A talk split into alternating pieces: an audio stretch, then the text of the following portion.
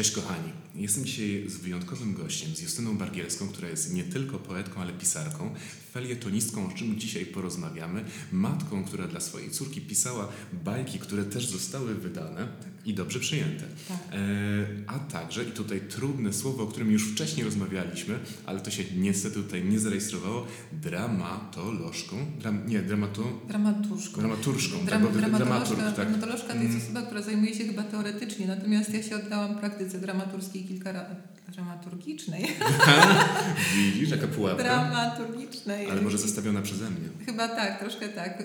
No więc jak powiedziałam, oddałam się tej praktyce kilka razy i z takim, no może nie rewelacyjnym, ale dość, y, dość dobrym skutkiem i y, tak. Bardzo lubię, znaczy bardzo doceniam to, że powiedziałeś dramaturżką, a nie dramaturgiem, bo jak, jak, jak, jak wiesz, no, ludzie mają problem duży z tym, żeby niektórych słów w takiej formie, żeńskiej formie używać. No a dramaturżka jeszcze, no to jest troszkę, tak, troszkę takie ćwiczenie dla języka, nie? Więc szanuję to, podziwiam, dziękuję.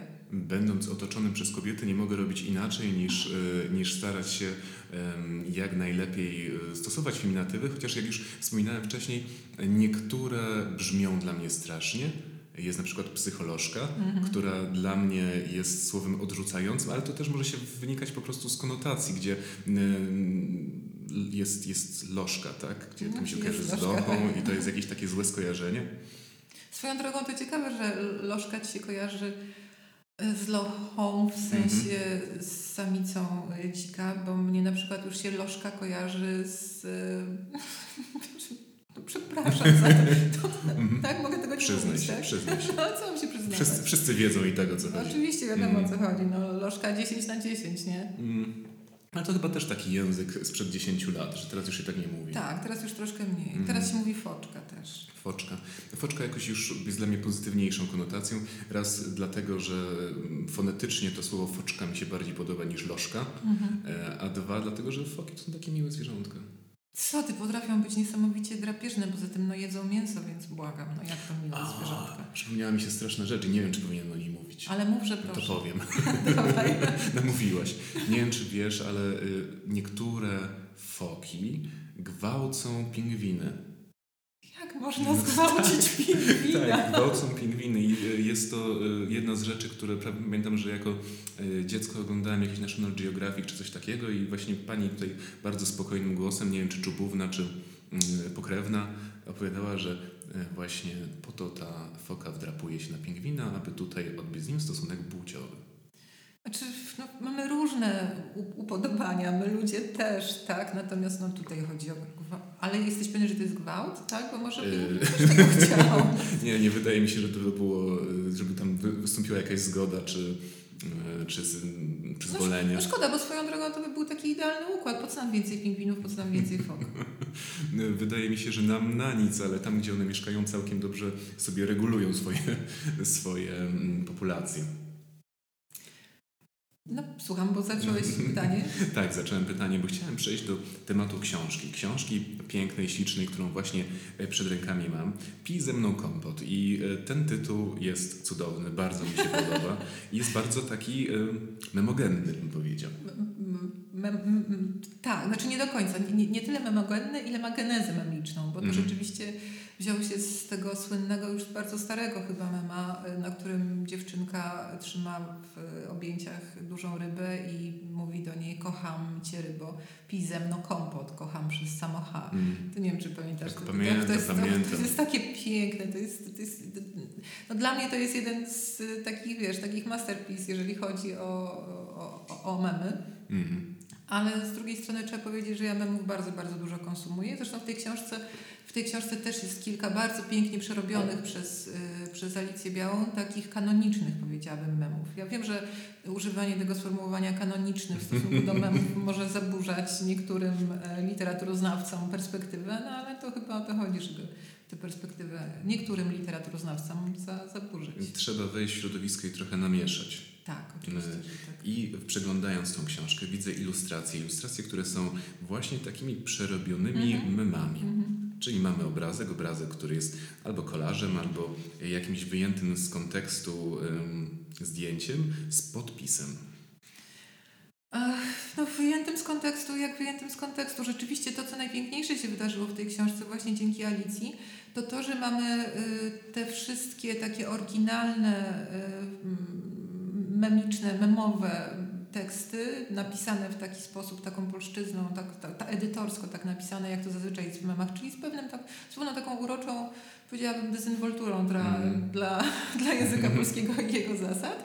I do tego Alicja dołożyła albo jakieś ważne obrazy kultury, albo jakieś, y, tak jak tutaj mamy przecież. Tak, właśnie patrzymy na Ofelię unoszącą tak, się tak, e, tak, z tak. nurtem rzeki i podpis ile jeszcze razy.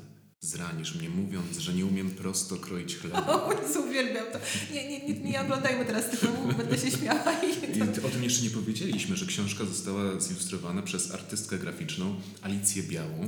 I też kiedy wszedłem tutaj i zobaczyłem tą książkę leżącą na biurku, od razu miałem skojarzenie, a nawet wcześniej, bo widziałem już tą książkę gdzieś na Twoich socialach. Aha. Tutaj zachęcamy do obserwowania, prawda, e, Justyny Bargielskiej, bo jesteś aktywna. O, muszę nawet powiedzieć, to jest coś, czym się muszę pochwalić. Moja 15-letnia córka ma 15-letniego e, kolegę, który to kolega kiedyś w grupie rówieśniczej, nie to, że mi do, do łóżka, ale znaczy do łóżka. Czy to tak zwany Freudian sleep? nie, nie, nie, łóżka, łóżko, do ucho, łóżka, tak, tak. tak jak locha, lożka, tak, to ucho, ucho, łóżko.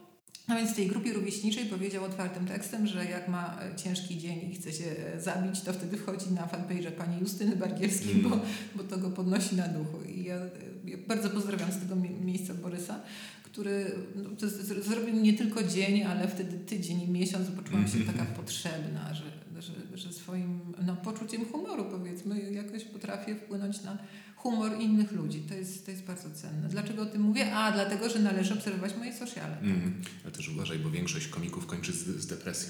Ja już miałam depresję i, i, będę jeszcze miała depresję. Byłaś tam, zrobiłaś to, więc tak. Tak, tak, tak. tak, tak. No to taki mi się wydaje um, artystyczna choroba naszego wieku. Ja chyba nie poznałem jeszcze poety, który nie zmagałby się z jakimś no, kochany, ja lżejszym, cięższym zaburzeniem. Przeszłam piętro wyżej, ponieważ ja depresję leczyłam bardzo, bardzo długo samą tylko depresję, tak? ponieważ to jest takie y, defaultowe powiedzmy, nie? Mm.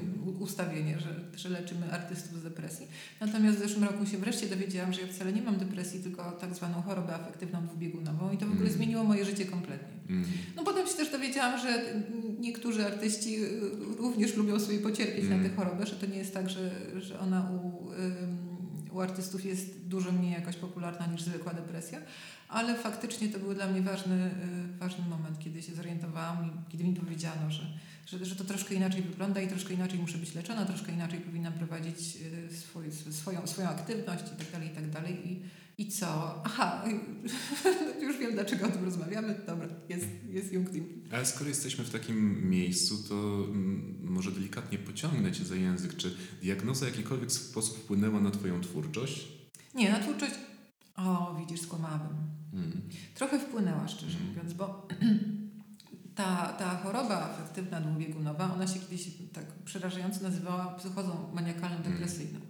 Czyli oprócz elementu depresyjnego, kiedy, kiedy, kiedy, kiedy leżysz i patrzysz w sufit i nie jesteś w stanie zrobić nic, a już na pewno nie jesteś w stanie tworzyć, no to miałeś te epizody maniakalne, kiedy robiłeś absolutnie wszystko. Mm. Natomiast jak chcesz żyć z tą chorobą w taki sposób, żeby nie ranić innych i nie ranić siebie, no to musisz cały czas przyjmować coś, co się nazywa stabilizatorami nastroju. Mm. No i te stabilizatory nastroju, one kurde stabilizują nastrój. I teraz weź napisz jakąś książkę na przykład, mm. taką wiesz, w porywie serca, natchnienia i tak dalej, jak ty masz cały czas stabilny nastrój. No to jest duże wyzwanie, powiedziałabym, jeszcze nad tym pracuję. Y, też tłumaczą mi i lekarze, i też inni użytkownicy tych stabilizatorów, że jak już rzeczywiście się to wszystko wyrównasz, jak ten poziom nasycenia nimi zostanie osiągnięty, no to wtedy powinno to nie wpływać na moją wydolność intelektualną. No, trzymam się tego, tej obietnicy jak y, nie wiem jak czego. No widzisz, nawet nie mogę znaleźć porównania. Jak ostatniej deski rachunku. Dokładnie. Niech będzie na teraz. Niech będzie. Y, a nie uważasz, że to jest troszeczkę tak, że pisarze mitologizują swoje złe stany, uważając, przynajmniej widzę tak po, po sobie, że um, jasne, że bardziej kreatywny jestem wtedy, kiedy odczuwam mocne emocje mhm. i wtedy wpadają mi lepsze takie pojedyncze iskry, ale jeśli chodzi o rzemiosło, no to lepiej pracuje mi się nad czymś, czyli jak już mam ten pomysł, mam już zaczynek, mam już tą, tą pierwszą myśl, y, to lepiej mi się pracuje, kiedy jestem spokojny, kiedy tych mocnych emocji w sobie nie mam. No wiesz, ale muszą się pojawić te mocne emocje, żeby potem było nad czym pracować. Ja to Mhm. widzę w ten sposób, bo jeżeli nie pojawiają się mocne emocje, no to nawet jeżeli potem usiądziesz przy biurku i, i, i będziesz spokojny, będziesz otwarty, będziesz miał czas, y, będziesz y, no, w, w dyspozycji do tego, no to nie będziesz miał jednak o czym pisać. Ale wiesz, to, to też jest, no może rzeczywiście to jest też troszkę przereklamowane, może trzeba po prostu szukać innych, innych dróg. Ja jeszcze jestem cały czas na etapie szukania tych innych dróg, dlatego właśnie wyszła ta książka złożona z tekstów, które powstały wcześniej, bo no, wiesz, pisarze muszą wydawać książki. Smutny obowiązek. tak, a nie byłam w stanie napisać niczego nowego. No tak, ale to jest dużo rzeczy, których, z którymi się nie spotkaliśmy. Ja czytałem twoje felietony na bieżąco w portalu i mhm. I ja myślę, Kultura, szczerze tak? mówiąc, coś, coś tam kultura.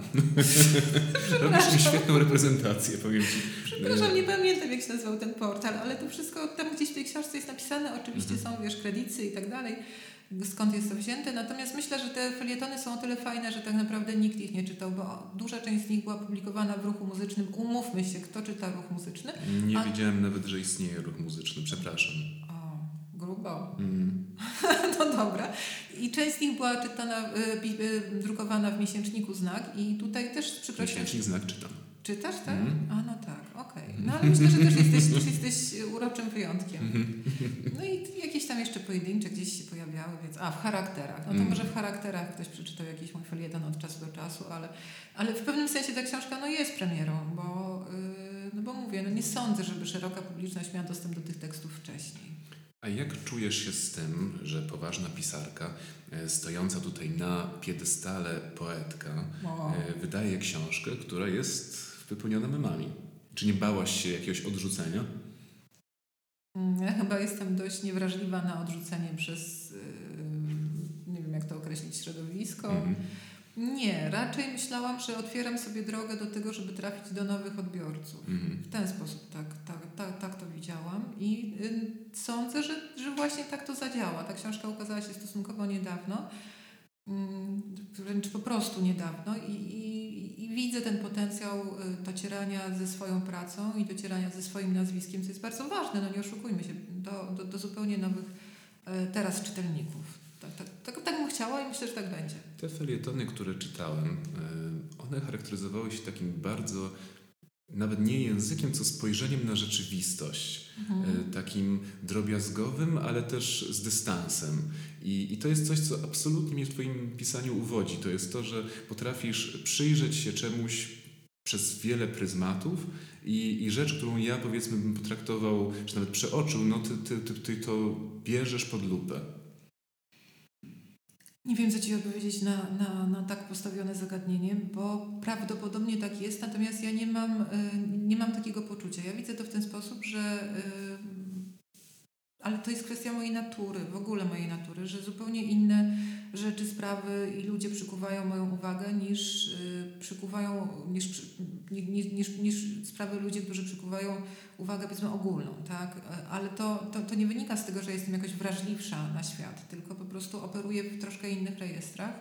No, a ten, ta, ta, ta książka, ja tam napisałam w posłowiu, bardzo, bardzo zresztą krótkim, o tym, że to jest zapis takich randek ze światem. Mm. I, I rzeczywiście to jest zapis moich randek ze światem w tym sensie, że mm, każdy z tych felietonów, no oczywiście też był, y, też był, y, też, też, też był, powstawał ze względów ekonomicznych, tak? Czy Mm. ze względów, no, powiedzmy, na umowę między mną a, a, a zleceniodawcą. Natomiast y, każdy z tych felietonów powstawał właśnie na bazie takiego to będzie okropne, okropne po prostu porównanie, co powiem, ale na bazie takiego ziarnka piasku, które No, tak.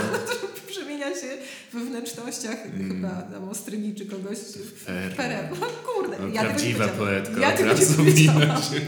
Nie, to nie odnoszę się teraz może do takiej absolutnej wartości tych felietonów, tylko właśnie do pewnego procesu, który właśnie ten... Kurde, jak można porównać swoje felietony do? Po prostu... To, to, co mi przypomina, taką tutaj szyb, szybką zrobię zmyłkę i zmianę tematu. Mamy koleżankę, która zajmuje się naukowo badaniem obtoczenia piasku. Bo nie wiem, czy wiesz, że piasek może być e, różnego rodzaju i może być albo ostrzejszy, albo może mieć większą ścieralność i tak dalej, i tak dalej. Kiedy pierwszy raz mi o tym opowiadała, stwierdziłem, że to jest najbardziej poetycka rzecz, jaką można robić i że chcę więcej o tym wiedzieć. Po czym jak mnie wzi- wzięła rzeczywiście do, do swojej pracy, pokazać mi, czym to się je, to okazało się, że to jest absolutnie nudne. I, Ale i, i, na czym to e, polega? Co, co, co się robi? Jeżdżą y, w różne miejsca, gdzie jest piasek, pobierają próbki, no i Mhm. badają je pod względem ścieralności, obtoczenia, no bo to jest y, ileś tam jakby... Mm, y, No i tak naprawdę to jest praca bardzo taka żmudna, polegająca na, na badaniu różnych czynników, Mhm. ale samo, sama idea bardzo mi się podoba. No mnie też bardzo i kojarzy mi się, bo byłam ostatnio na Dunie, bo jestem ogromną fanką, Mm. więc jak tylko się Oj, ja pojawiła w kinach, pobiegłam po prostu jak szalona i Mhm. siedziałam i nawet nie mrugałam oczami, Mm. żeby niczego wiesz, nie, nie, nie, nie przegapić i wydaje się, że takie osoby, które zajmują się, y, jak to się nazywa? Badanie obtoczenia piasku. Badanie, to, to miałoby na Arakis naprawdę Mm. potężne używanie. Nie? No tak, zresztą ale pewnie to wiesz, że Herbert był, mm, był specjalistą od środowiska pustyni, że on y, pisał tą książkę mając w myśli w głowie ekologię pustyni i tak dalej, Mhm. i tak dalej, że to nie wzięło się znikąd. No wiesz, to też się nie wzięło znikąd w tym sensie, że kiedy on pisał tę książkę, już zaczynaliśmy myśleć o tym, że y, tracimy planetę. Mm. Więc ten, ten y, ekologiczny wątek tutaj jest też oczywisty w jakiś sposób, w taki historyczny sposób jest oczywisty. Natomiast wydaje mi się, że dopiero teraz dociera do nas pe- pełnia przesłania Herberta. Tak? To, dopiero teraz jesteśmy na to gotowi, żeby zobaczyć, jak y, no, właśnie, że, że- Arakis no, jest metaforą y, tak okropnie to powiem, no ale tak naprawdę naszej wymierającej planety, tak? Wymierającej? No a nie wymierającej. Nie, no są, są problemy, ale wydaje mi się, że ja też jestem przeciwnikiem takiego wielkiego sceptycyzmu, jak już To, słyszałem nie, nie, nie, tym. to nie o to Mm. chodzi. Wiesz co, ja po prostu to ostatnio w rozmowie z córką powiedziałam, Mm. że um, bo my często rozmawiamy o tym, co nas trzyma przy życiu i um, przykład dlaczego jesteśmy w stanie żyć, tak? Takie, takie argumenty na przyszłość. Oczywiście toczymy tę rozmowę nie w takim poważnym tonie, tylko raczej ironicznym. I ja powiedziałam mojej córce, że y, mnie przy życiu trzyma wizja depopulacji. No te drobne przyjemności trzeba mieć, prawda? No słuchaj, na depopulację, jak myślę o depopulacji, czuję, no, przy, no, czuję rozkosz właściwie, Mm. jak to sobie wyobrażam, jak staje się nas coraz mniej, coraz mniej, coraz mniej, coraz mniej i ta planeta wreszcie, odżywa. Jest taka teoria naukowa, która mm, twierdzi, że jest jakiś moment wysycenia, po którym populacja zacznie gwałtownie spadać, więc coś takiego, coś takiego jest naukowo przewidziane.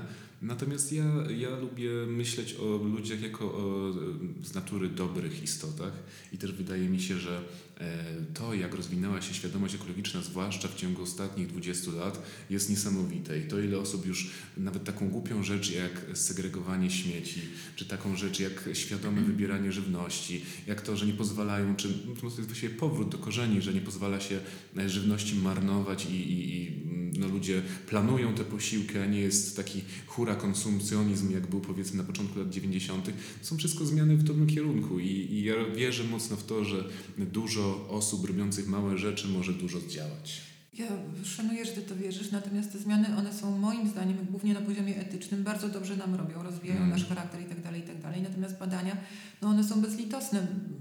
Nasze segregowanie śmieci niewiele pomoże, podczas gdy y, korporacje y, nie segregują śmieci, Mm. mówiąc o, wiesz, no, w wielkim skrócie. To, to, tak naprawdę to nie my z naszymi śmieciami jesteśmy odpowiedzialni, y, czy też mamy możliwość zmiany tej sytuacji, bo, bo, no bo statystyka działa na, tak, tak jak działa i y, no, nie, nie my zanieczyszczamy tak naprawdę y, środowisko. Natomiast jeszcze raz powiem, że tak, że też uważam, że to jest dobry pomysł, żebyśmy segregowali śmieci, żebyśmy y, dojadali do końca, żebyśmy nie wyrzucali.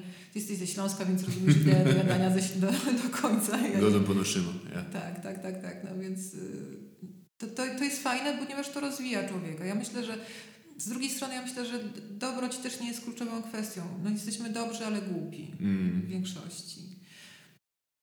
I co? No i... Ale też jesteśmy mądrzejsi niż byliśmy Ale 50 właśnie lat tak, temu, ale jesteśmy powiedzmy. mądrzejsi niż, niż byliśmy 50 Więc lat temu. wciąż warto zauważać jakiś progres. Przynajmniej ja uważam, że mm, spoglądanie na to w dobrym kierunku i znajdowanie dróg, żeby być lepszymi, jest ważniejsze niż, y, y, niż grzmienie, że wszy- wszystko się kończy, że tutaj już Ale ja nie grzmię, ja, ja powiedziałam pół, pół żartem o tej depopulacji po pierwsze, po drugie no też powiedziałam, no planeta wymiera, ale to jeszcze chwilę potrwa. Mm.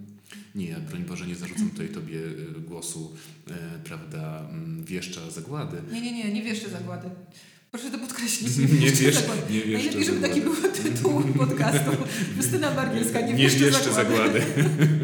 A wiesz, że można, że można tak pomyśleć, no, ale do czegoś dążyłem, miałem jakąś myśl za tym wszystkim stojącą. A, bo słyszałem właśnie o, a propos depresji, że nawet zdarza się u młodych osób depresja spowodowana y, mm, klęską klimatyczną, że Tak. już tak mocno jest Tak, to że zakorzenione w tym, w tym trendzie popkulturowym, że o tym się mówi. Też wydaje mi się trochę jest taki problem, że to są treści, które są bardzo klikalne, że Mhm. Dlatego każdy dziennikarz w swoim dziennikarskim życiu ma potrzebę napisać przynajmniej jeden artykuł o tym, jak wszystko wokół umiera. Tak. Y, I z jednej strony jestem skonfliktowany, bo z jednej strony uważam, że świadomość budować tego, że jest jakiś problem jest dobrze, a z drugiej strony język, który tam uderza, ten język właśnie mm, takiego y, nagiego człowieka pośrodku rynku krzyczącego zginiecie, zginiecie, no, jest w tym coś bardzo brzydkiego dla mnie. Znaczy to nie jest nagi człowiek, tylko jak na tych amerykańskich filmach on ma na sobie taką tablicę, przewieszoną. Z kartonu. tak, no. Jest napisane koniec świata będzie jutro albo dzisiaj. No, Mm. wiesz, tak, to, to, to, to, I to troszeczkę, moim zdaniem troszeczkę burzy zaufanie. Ja, ja nie bardzo, wiesz, no, czas proroków minął, moim Mm. zdaniem. I to już jakiś czas temu. Wobec tego ja teraz nie bardzo prorokom wierzę, bo, bo, bo myślę, że y, no, powinniśmy zupełnie inaczej działać. To znaczy powinniśmy raczej się skupiać na, na celach, a mniej na takich właśnie apokaliptycznych wizjach.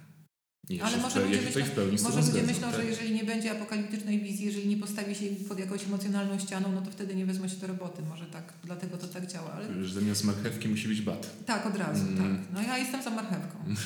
A powiedz mi, wracając do tematu Twojej ostatniej książki, e, czy warto wchodzić na te randki z życiem? Boże, jak bardzo warto. Oczywiście, że warto. To też jest, poza depopulacją, to jest też coś, co mnie Mm. trzyma, znaczy wizją depopulacji, to jest też coś, co mnie trzyma przy życiu. Teraz mam na przykład zaplanowaną taką randkę.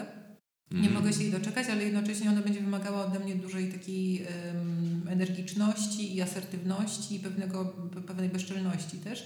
Nie wiem, nie- mogłeś widzieć, bo przyjechałeś tu, y, tu samochodem, ale na tej ulicy, y, Mhm. na, na Alei Zjednoczenia w stronę właśnie AWF-u jest zakład pogrzebowy. Mhm.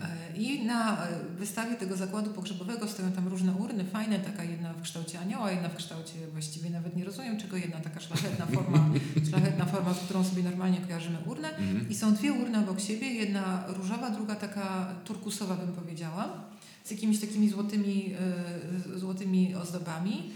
I e, przepiękne są, tylko ja kurde nie widzę tam otworu.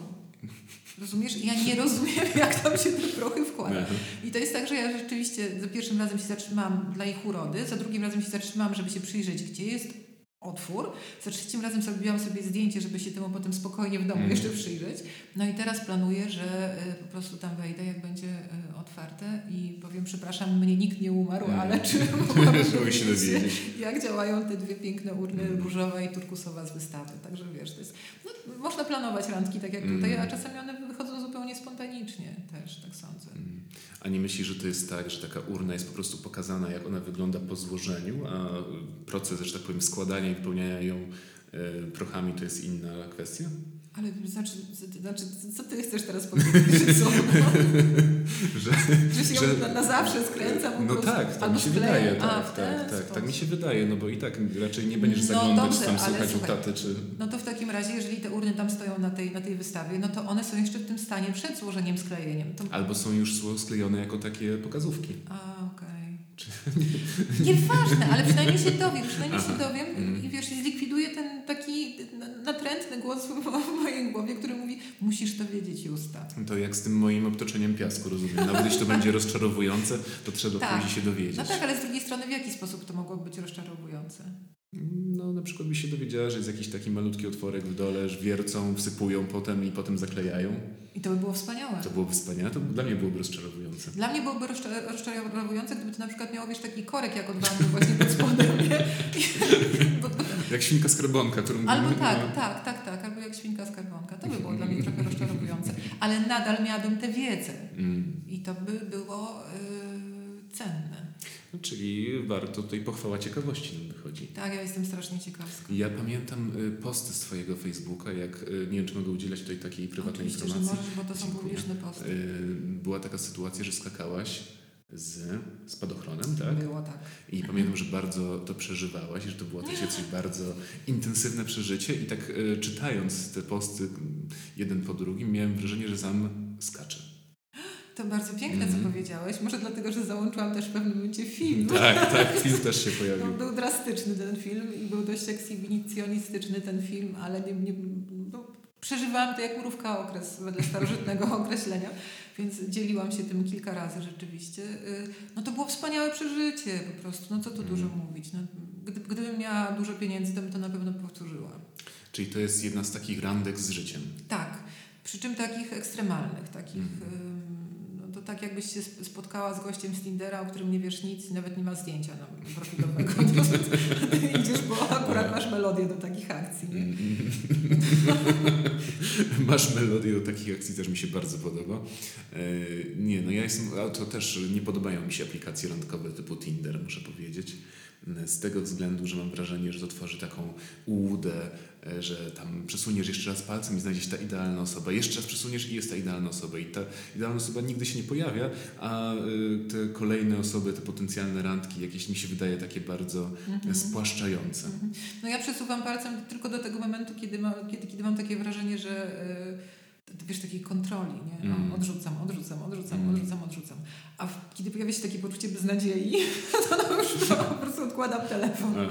No ale wiesz, no z drugiej strony to ocenianie ludzi po zdjęciach, no kurczę, to jest, no to jest jeden z podstawowych błędów naszych czasów, że, że o, o, oglądamy zdjęcia i wydaje nam się, że, że, że z tą osobą moglibyśmy stworzyć jakąś relację. I to jest tak, zwłaszcza w czasach Instagrama, w czasach, wiesz, filtrów i tak dalej, i tak dalej. To jest, myślę, że ten, y, ta, ta, ta, ta, ta, ta okoliczność wybierania swoich partnerów, ona może doprowadzić do depopulacji, czyli może jednak nie jest to takie straszne. Tak, rozumiem, że celu świ- uświęca Tak, środki.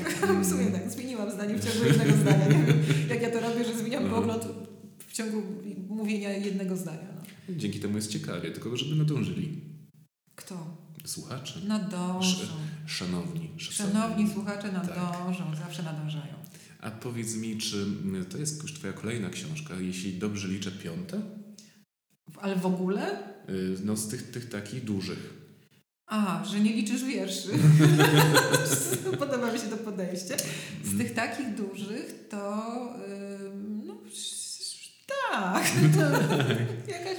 Czy po, powiedz mi, czy y, wciąż towarzyszy ci te uczucia, które towarzyszą przy, przy publikacji debiutu? Czy czekasz na tą książkę? Chcesz ją powąchać, dotknąć, wziąć w ręce? Jakie uczucia towarzyszą ci, kiedy ta książka rzeczywiście pojawia się w wersji fizycznej? Na tę książkę czekałam bardzo, ponieważ jej publikacja ym, trwa, znaczy nie publikacja, tylko w ogóle sam proces powstawania, znaczy nie powstawania tekstu, tylko powstawania książki i wypuszczanie jej na rynek trwało mniej więcej cztery razy tyle, ile żeśmy sobie założyli w, z wydawcą, że, że, że będzie trwał z różnych względów.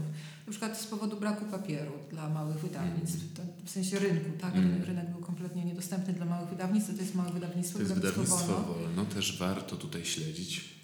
Zdecydowanie warto y, nawet nie tylko, podkreślam, nie tylko dla treści książek, które, które są wydawane, ale dla tego, w jaki sposób one są wydawane. To jest rzeczywiście ogromna pieczołowitość, jest, jest zawsze piękna y, szata graficzna, rzeczywiście jest na co popatrzeć, co podotykać.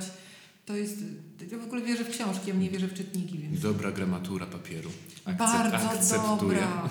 Tak, bardzo dobra gramatura. Także y, nie wiem, czy zauważyliście, jeśli na przykład uparłam na taką Mm. zieloną czcionkę i oni walczyli, Mm. walczyli, ale potem się okazało, że zielona czcionka, bardzo pasuje do tego, że Mhm.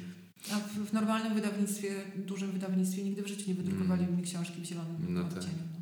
Ja miałem takie marzenie, żeby wziąć papier taki mm, z recyklingu i zrobić go tak lekko różowym i wydać książkę na takim leciutko różowym Też papierze. ładnie. To byłoby ładne. Różowy. Mm, Kocham różowy. mm, ja też. Mm. Chociaż nie, nie jestem jakoś otuczo, otoczony w życiu różem. No nie, bo nie da się otoczyć różem. To wiesz, no. Zobacz, no na moim biurku jedyną różową rzeczą są te płatki róż w torebce, no i tam różowa rameczka malutka. A w jakim celu masz płatki róż w torebce? Żeby jak mi się już robi tak całkiem niedobrze, bo ona jest strunowa, tak jak kokainę się pakuje, tylko tak, tak no i Mhm. sobie tam rozsuwam ten, ten, tę strunową część i zresztą chcesz, to możesz to zrobić, no i Mhm. wsadzam tam ryja za przeproszeniem, bo to bardzo ładnie Czyli pachnie. to służy dla e, zapachu. No to też do takiego uspokajania Mhm. się, bo wiesz, no ludzie, którzy na przykład pięknie, co? Mm, mm. No bardzo ładnie, tak. One są pięknie wysuszone, dlatego Mm. wiesz, nie ma tam ryzyka, że coś zgnije albo zacznie pachnieć śmiercią, nie. Jest dobrze. No, to, to, widzisz, to takie artefakty się przydają. Ja też zauważyłem, że jak tylko gdzieś ląduję, gdzieś jest jakieś moje miejsce, muszę przynieść kilka takich Mm. swoich artefaktów, niekoniecznie jakichś tam sensownych, ale, ale swoich, e, po to, żeby to miejsce stało się bardziej moje. Tak, tak, no łatwiej się pracuje w takich Mhm. miejscach wtedy. Kwiatuszek też przyniosłam z domu oczywiście, geranium moje piękne, które rośnie jako szalałe. Tutaj warto by nadmienić, że nie jesteśmy jak zwykle u mnie w studiu domowym, tylko jesteśmy tutaj w pracowni, tak mogę to nazwać? Tak, y, pracowni, która nazywa się Wspólny Pokój, pracownia Wspólny Pokój, Mhm. jest na Bielanach. Y, Bardzo się cieszę, że dołączyłam do zespołu dziewczyn, które tutaj pracują. Pozdrawiam je wszystkie, a przede wszystkim pozdrawiam Elę, która mnie tu ściągnęła. To jest, ja oczywiście przyszłam tutaj z takim nastawieniem, że na pewno zacznie się za chwilę zdalne nauczanie, wtedy Mm. praca w domu będzie kompletnie niemożliwa. No ale zdalne nauczanie się nie zaczęło, a ja tutaj tkwię i y, no, to, to miejsce ma wspaniałą atmosferę, jest taki vibe jakiś twórczy tutaj. I też taki, tak, taki kobiecy twórczy vibe, Mm. co jest bardzo, bardzo ym, Czy widząc po sobie... przyjemne. Mhm. Widząc po sobie, ja bardzo doceniam wychodzenie do pracy. Mhm. Niezależnie, czy to jest praca pisarska, czy to jest praca y, inna, jeśli wychodzę do pracy, to jest kompletnie inny mindset, inne nastawienie Tak, tak, tak, i, tak, tak. i potrafię się przymusić, a w domu potrafię nagle przerwać pracę po to, nie wiem, żeby zacząć odkurzać, bo widzę kątem oka, że jest kurz na podłodze. Albo na przykład pralka, mnie strasznie O. pralka przyciąga. O rany, ja nie potrafię się pralce oprzeć. To też randka z życiem, pralka? Słuchaj, w moim przypadku tak, ponieważ ja sobie rok temu kupiłam pralkę bardzo, bardzo przecenioną, od razu mówię, że ona nie kosztowała dużo pieniędzy, która y, działa na Wi-Fi. Mm, I mm. Wygląda to tak, tak, ja mam aplikację, w której sobie rozmawiam z moją pralką. Nie, że ona, jest na Wi-Fi. Słuchaj, nie, ona kosztowała 1000 zł niecałe, naprawdę, okej. bo była naprawdę przeceniona. I e, najlepsze jest niej to, że rzeczywiście mogę z nią pogadać przez aplikację, mogę napisać do niej e, oczywiście po angielsku e, pralko kochana, kiedy skończy się program, Mm. albo zrobić zdjęcie prania i ona mi mówi, jaki najlepiej program wybrać. Mówię, naprawdę jest świetna. Ale najcudowniejszą rzeczą jest to, że jeżeli ona jest w trybie Wi-Fi, to ja mogę z każdego miejsca na świecie puścić pranie. Ja w ten sposób straszę dzieci, wiesz, szykuję rano pranie, nie? Mm. I to nastawiam na Wi-Fi tę pralkę i wiesz, i przypominam sobie w ciągu dnia, że o dzieci już są w domu, może któryś z nich akurat jest w łazience i wiesz, daję, puszczam pranie. Znaczy teraz już się przyzwyczaiły do tego, ale Ja trochę inny mam e, problem z praniem. Mam taką wielką przyjemność z segregowania kolorów tak. i, i jakości Tak. prawda, tkanin i dlatego zawsze mam kilka kupek ułożonych. Tak. Nawet najchętniej bym miał na każdy możliwy kolor osobny e, pojemnik, no ale to jest oczywiście fizycznie niemożliwe mieszkając w mieszkaniu w Warszawie, więc niestety one muszą nam się mieszać w tym, ale jak tylko już mogę wyciągnąć i zapakować powiedzmy te wszystkie białe, delikatne rzeczy, no to to jest satysfakcja. Przy czym nie lubię prasować. Mm. Ja nie prasuję. w ogóle. Wiesz co, no jak trzeba coś wyprasować, bo się idzie na, jakiś, na jakąś rzecz, gdzie trzeba wyglądać na jakąś sytuację, na przykład pracową właśnie, Mhm. no to wtedy jeszcze się zmuszam do, pracowa- do, do, do prasowania. S- Synowi pra, prasuje spodnie, Mhm. ale tylko spodnie. Córka nie prasuje w ogóle żadnych ubrań, chodzi tak jak... No wiesz, myśmy się nauczyli tej wspaniałej umiejętności s- s- strzepywania porządnego ubrania przed, No tak, powiesieniem, przed powieszeniem na sznurku i to naprawdę działa. Mam jednego kolegę, który ma też cudowną rzecz, tylko to już jest niestety rzecz typu droga. Taki manekin, na którego się nakłada na przykład garnitur, koszulę, on robi ps i on się potem jest jak wyprasowany. No już nie pożądam tego, ci powiem. A ja właśnie porządam, tylko że to też zajmuje, zajmuje miejsce, więc też w mieszkaniu to nie wiem, czy chciałbym to mieć, nawet gdybym... Nie, to ja nie fetyszyzuję prasowania. Mm. Kompletnie nie. No, Wiesz, no, może ja chodzę po prostu częściej w koszulach. No właśnie, no wy macie troszkę trudniej z Mhm. tym. Koszula niewyprasowana to A powiedz mi, jak... menelstwo. Trochę tak. No jeszcze są takie y, niemieckie Bügelfrei się nazywają i nie trzeba ich prasować, ale i tak lepiej jak się wyprasuje. Już kiedyś były takie, nazywały się non-iron. Okej. Y, A powiedz mi, jak mm, twoja, twoja dziatwa, to jest ładne słowo na dzisiaj, No dziatwa moja już w ogóle nie jest dziatwą, bo mają lat nie 15 i jest. 13. A, no to tak. Jak reagują na kolejne publikacje? W ogóle nie reagują. Wydaje mi się, że żadne z nich nigdy nie przeczytało żadnej książki, poza tą książką, którą napisałam dla mojej córki, no bo czuła się w obowiązku przeczytać. Ale no, nie no, będą z tego pieniądze będą. Dużo pieniędzy, nie aż tak dużo. No. Okay. tak Bo to taki kraj, że to raczej niedużo. No, ja im próbuję to wytłumaczyć, ale one raczej sądzą, że jestem po prostu złą pisarką, bo jakbym była dobrą pisarką, to bym zarabiała więcej. No jest taki konflikt troszkę między nami, ale staram się go łagodzić. No, wiesz, no najłatwiej się, osobom kochającym się, a nie ukrywam, że się kochamy z moimi dziećmi, najłatwiej jest się pokłócić o pieniądze. Mm. To jest taka reguła, no więc o pieniądze się rzeczywiście zdarza nam, nam kłócić i zazwyczaj właśnie podstawą jest to, że no utrzymuję moje dzieci za pomocą pisania. Mm. No tak, jest, jest to pewien. Nie, nie chcę powiedzieć, że problem, bo to nie jest problem, ale rzeczywiście zbudzenie jakiegoś takiego y, zrozumienia, że tutaj, prawda, to musi się urodzić, że to potrzeba czasu, że to jest y, zastanowienie się i tak dalej, y, że to nie jest praca, gdzie przychodzi się od, od 8 do 16 i z tego jest konkretne, no to jest dla osób niepiszących problemem, zwłaszcza kiedy jeszcze są takie postacie, jak na przykład szanowny pan Mróz, tak? Który, Mhm. który produkuje książki w tempie masowym i tworzy jakieś takie poczucie, no przynajmniej jak ja sobie myślę, że od czasu, kiedy coś ostatnio dobrego napisałem, on już zdążył wydać dwie książki, y, to, to jest trochę przerażające dla mnie. Nawet nie to, że przerażające, ale myślisz wtedy o sobie jako ostatniej ofierze. No. Znaczy ja myślę o sobie jako ostatniej ofierze, więc y, to... No ale dobrze, no. Nie, nie, nie wolno ludziom zazdrościć y, darów bożych. Nie, nie, broń Boże, nie mówię o zazdrości, po prostu mówię o tym, jak się czuję w związku z tym, że, że wiesz, że, że wiem, że ktoś jest tak bardzo płodny.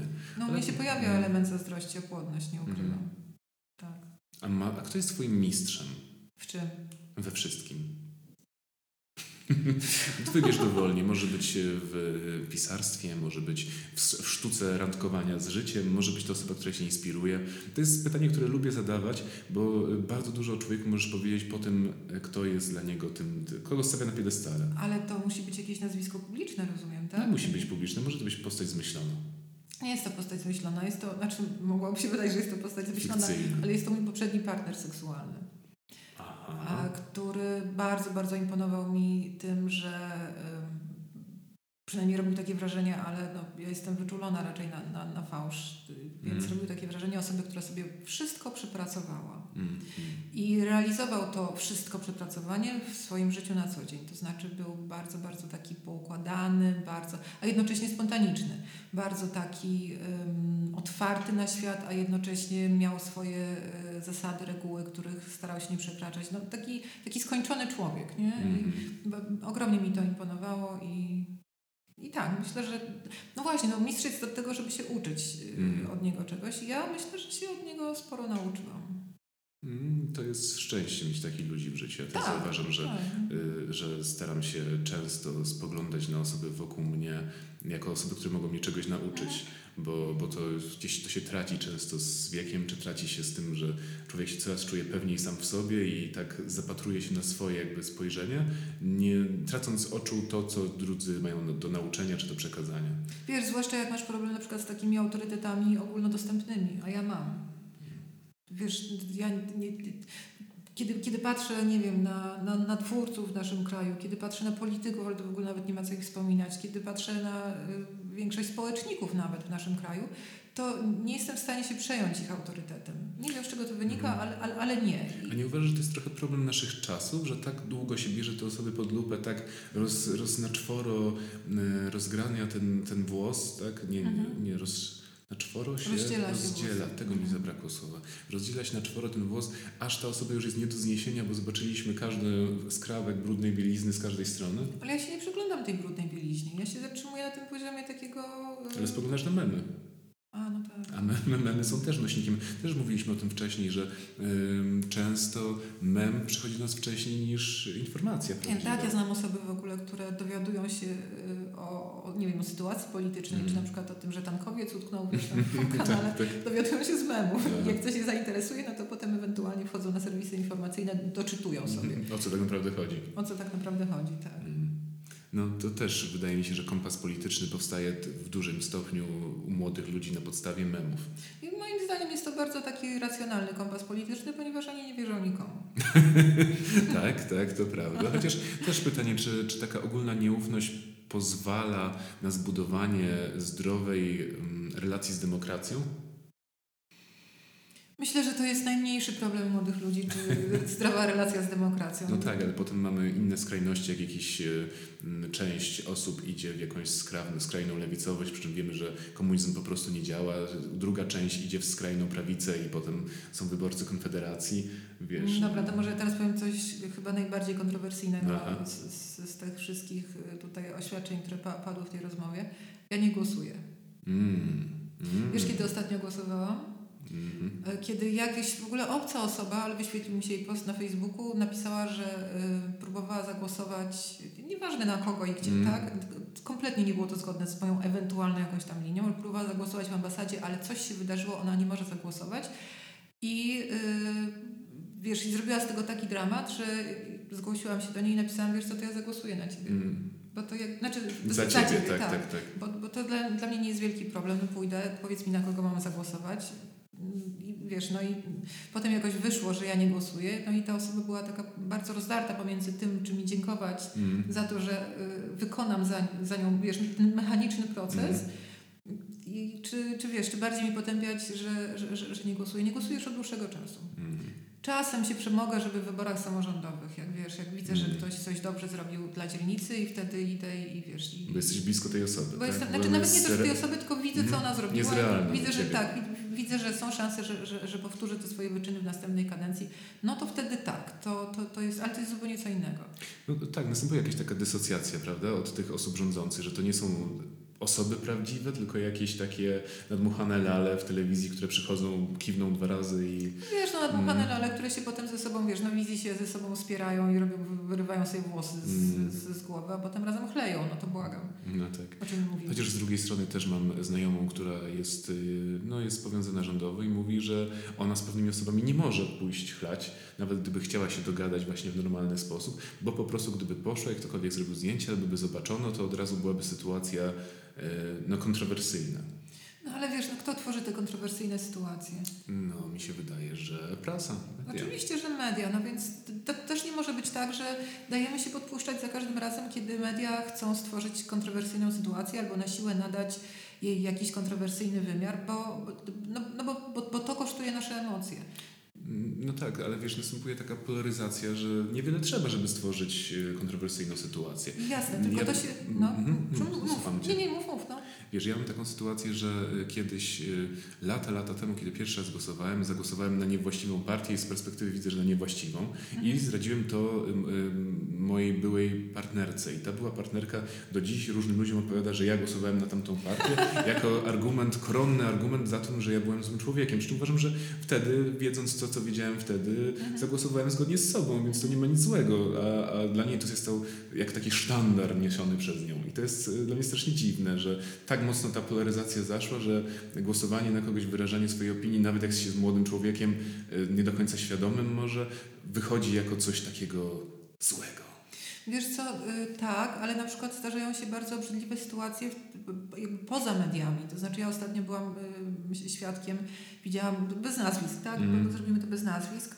Jedna z y, takich w miarę opiniotwórczych, ale nie aż tak strasznie opiniotwórczych kobiet na Facebooku wrzuciła na, swój, na swojego wola, wrzuciła mm, screen z innej, dużo bardziej opiniotwórczej kobiety, ale też z Facebooka.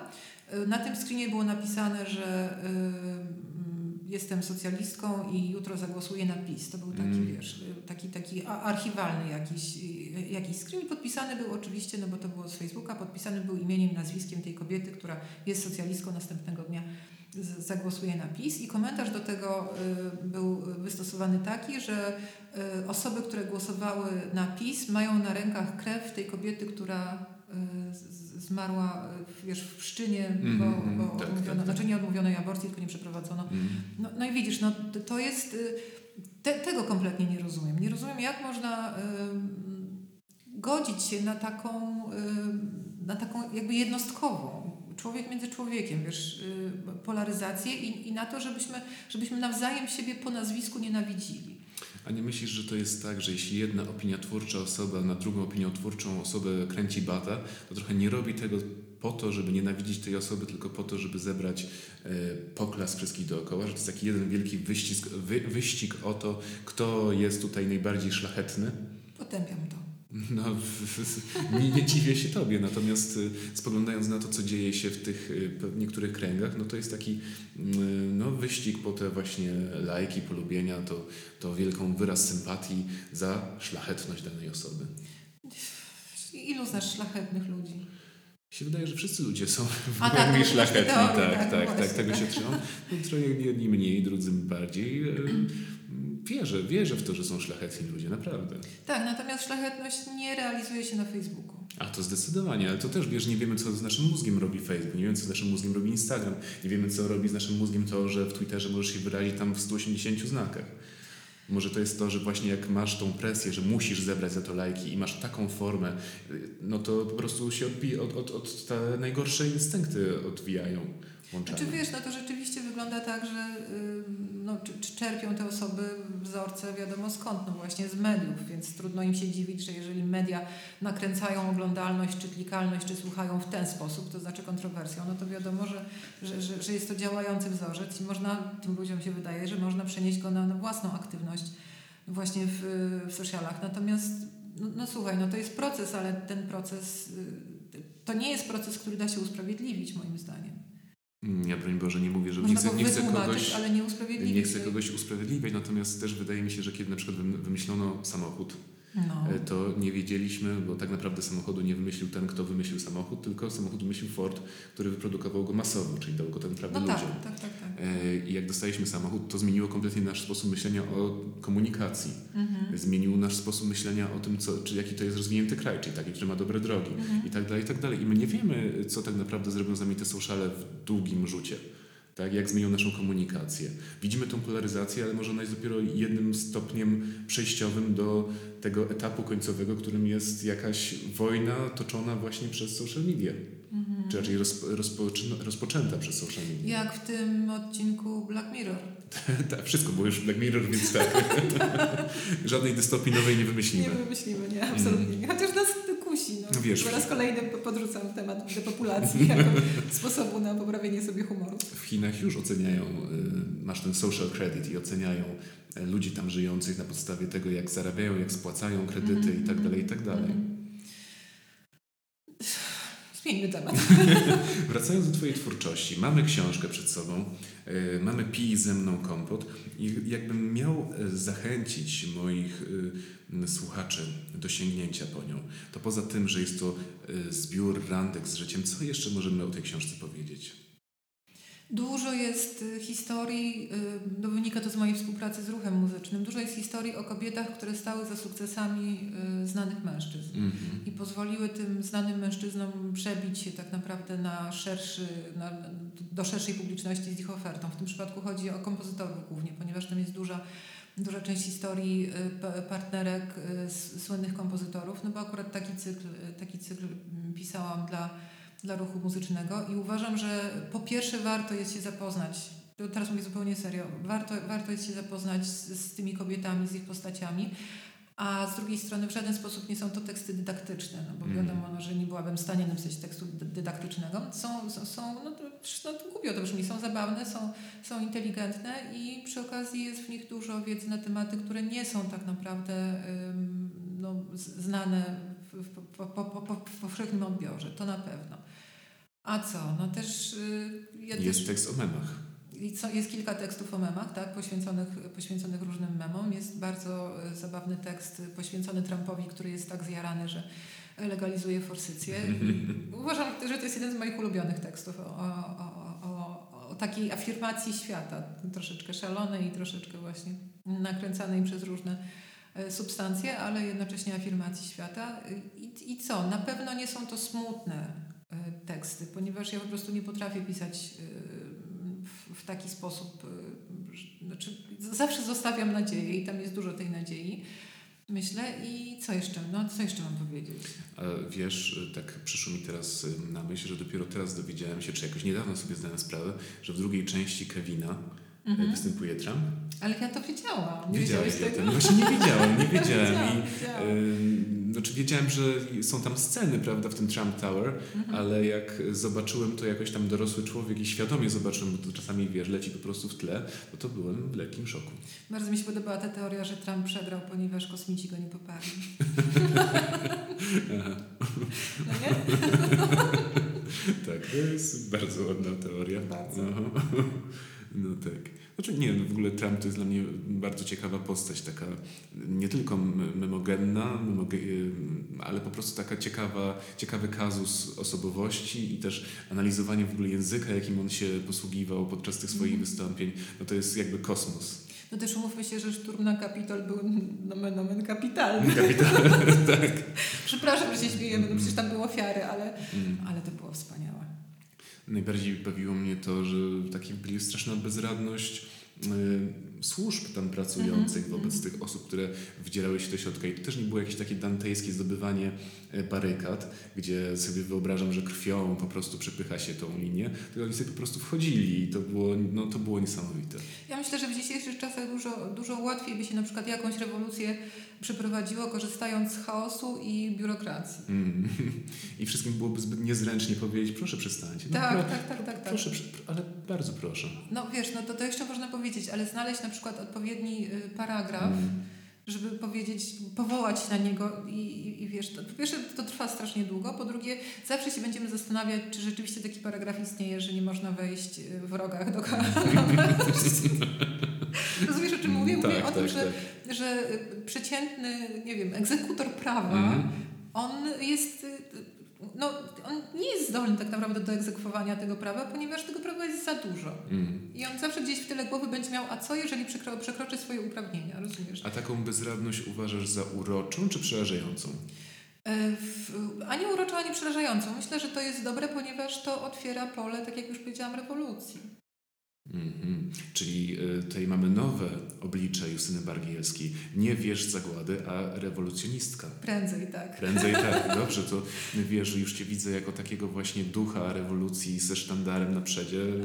Tak, ale mm. wiesz, takiego zabawnego ducha rewolucji. okay. W sumie większość wielkich przewrotów było prowadzone przez, przez poetów. Występowałabym jako poetka w tej roli. Raczej mhm. wolałabym się skupić na swoim e, komicznym potencjale. Kiedyś o tym mówił e, Sławoj właśnie, no, że, że wymieniał wszystkich poetów, czy wszystkich wielkich przywódców i mhm. rewolucjonistów, którzy pisali wiersze i mówił właśnie, żeby przejść od tego możliwości do tego niemożliwego zdarzenia, którym jest rewolucja, jest właśnie niezbędne to poetyckie spojrzenie na świat. To wiesz, to zależy jak patrzeć na to poetyckie spojrzenie na świat, bo ja mam wrażenie, że ostatnio y, poezja, ale w ogóle to, to nie jest oceniające, a nawet mm. jeżeli oceniające, to dobrze oceniające. Ostatnio poezja bardzo trzyma się y, rzeczywistości. Raczej mamy tak, y, tak, takie nurty, które nawet nie tylko trzymają się rzeczywistości, ale jakoś zakorzeniają się w niej, mówią o niej i nie, nie, nie, nie próbują, bo nie uważają za stosowne, przekraczać jej, o tak bym to, to, to, to powiedziała. Więc może to by była metoda, a może niekoniecznie wcale, tak myślę. Prze, przez, przez poezję. Że to już nie te czasy. Że to już nie te czasy. Ja mówię, ja widzę większy potencjał jednak w stand-uperach. w stand-uperach? Tak. A nie uważasz, że to trochę żenujący humor często? Znaczy, tak, ja uważam, że często żenujący humor bije z tych stand-upów, gdzie obraca się to wszystko wokół kilku tematów, powracających w kółko i w kółko, tylko w odrobinę innej formie. Myślisz, że tak? Tak to widzisz? Nie mam aż tyle doświadczeń, ale te doświadczenia, które miałem, no nie bawi mnie 15 żart o nieudanym związku. Wiesz, to też zależy, jak to opowiedzieć mm. o tym mm. nieudanym związku. Także ja myślę, że, że mnie by mógł zabawić, zwłaszcza, że miałabym mam takie podejście, jeżeli słyszałam 14 coraz mniej udanych żartów o nieudanym związku, to 15, nawet jeżeli będzie po prostu dobry, mm. To wystarczy, tak? No. Słuchaj, ja się kocham śmiać. Zaniżone e, oczekiwania. Tak, to jest dla mnie strasznie ważne. Ja się czasem śmieję, no wiesz, no, z przysłowiowego chłopa przebranego za babę. No tak. W Polsacie. Nie w mm. Polsacie, to, gdzie, gdzie, to, gdzie to chodzą ci? No, w Polsacie chyba też. Tak, no właśnie te wszystkie kabarety to, mm, to, to, to jest... Y, tak, to jak, jak mam potrzebę się śmiać, to jestem w stanie się z każdej głupoty śmiać. Mm. Czyli demitologizujemy, można spokojnie śmiać się nawet z polskich kabaretów. Można, byle nie za często, byle nie popaść w nawyk i jednak starać się szukać czegoś bardziej wyrafinowanego. Bardziej stymulujących źródeł śmiechu.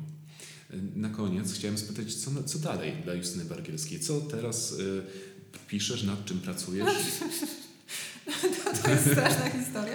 Teraz pracuję nad rzeczami, które pozwolą mi się utrzymać, więc piszę to jakieś felietony, mm. to jakieś artykuły, a to jakieś sprawozdania z y, rozliczenia dotacji mm. i tak dalej, i tak dalej. Natomiast mam taki plan, żeby do końca tego roku jednak skończyć e, skończyć e, taką książkę będącą troszkę powieścią, troszkę taką autobiografią. Wiem, że to okropnie brzmi, może bardziej powieścią jednak I ona jest w większości o seksie, bo jeszcze o seksie nie hmm. pisałam. Więc mam nadzieję, że to skończę i mam nadzieję, że przyszły rok to będzie właśnie premiera tej książki.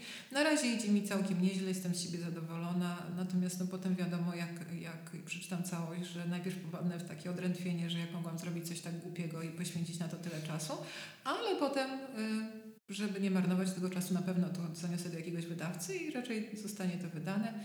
I już czekam na te y, komentarze. Bardzo ciekaw jestem, zwłaszcza biorąc pod uwagę Twoje poczucie humoru. Czy to będzie książka właśnie tym pisana, czy wprost przeciwnie? A więc książka mogę to powiedzieć, bo hmm. nie, nie, nie, nie ma. Ja akurat z tym nie mam problemu. Książka zaczyna się sceną, w której kobieta właśnie rozstała się po raz kolejny ze swoim partnerem seksualnym. No ale bardzo za nim tęskni, w związku z czym postanawia, że podejmie akt masturbacji, ale ma taki, taką, taką potrzebę, no, czysto męską podobno, żeby jednak nie masturbować się do, do wizji w głowie, tylko do zdjęcia. Mm. No ale ponieważ po pierwsze zablokowała tego kogoś na socialach, poza tym nie ma wrzuciarskiego zdjęcia mm. itd., itd., jedyne co jej przychodzi do głowy to to, żeby wejść na profil um, takiego... Um, tak, tak, tak, takiego rajdu motocyklowego, Aha. w którym wie, że ten y, mężczyzna brał udział. Mm. No i zaczyna przeglądać zdjęcia tych wszystkich, y, tych wszystkich mężczyzn. Oczywiście wszyscy są w kaskach mm. i zabłoceni, bo to jest jakieś enduro i w ogóle jakiś cross, no to no, szaleństwo kompletne. Jest 127 zdjęć mężczyzn w kaskach ubłoconych i mm. kompletnie nierozpoznawalnych z twarzy. I ona przegląda te zdjęcia, przegląda te zdjęcia, przegląda te zdjęcia i w końcu na chybił trafił, masturbuje się do 44 gościa, bo dalej nie ma siły. No więc to ci chyba daje odpowiedź, jak ta książka będzie e, napisana. Super. Ja uważam, że takie historie, właśnie takie małe, wstydliwe historie, e, dzięki temu, że się je otwiera i pozwala o nich swobodnie mówić, mają doskonały taki wydźwięk terapeutyczny i też pokazują innym osobom, że to, co się wydarzyło, co mogło być lekko dla nas wstydliwe czy problematyczne, mówienie o tym, czy zaakceptowanie tego jako część naszej historii, no dobrze nam robi. No wiesz, tylko żeby to miało wydźwięk terapeutyczny, to może trzeba by się było pozbyć tej autoironii, a ja z mm. kolei nie jestem w stanie się pozbyć autoironii, kiedy opowiadam o swoich przygodach, bo albo, albo wiesz, albo nie potrafię ich opowiadać w większości nie na śmieszno, mm. to, ale to, cóż na to poradzę, skoro mnie to śmieszy, tak? Śmieszą, śmieszą mnie moje tragedie, mm. wiesz, śmieszą mnie też niektóre ludzkie tragedie i to jest też okropne. Znaczy na początku oczywiście budzi się we mnie współczucie, ale potem, kiedy zestawię sobie te, te fakty, te okoliczności, wiesz, stroje i tak dalej, i tak dalej, no to w większości, w większości sytuacji z życia no jest nieodparty koniec. Mm. Nie da się przed tym uciec.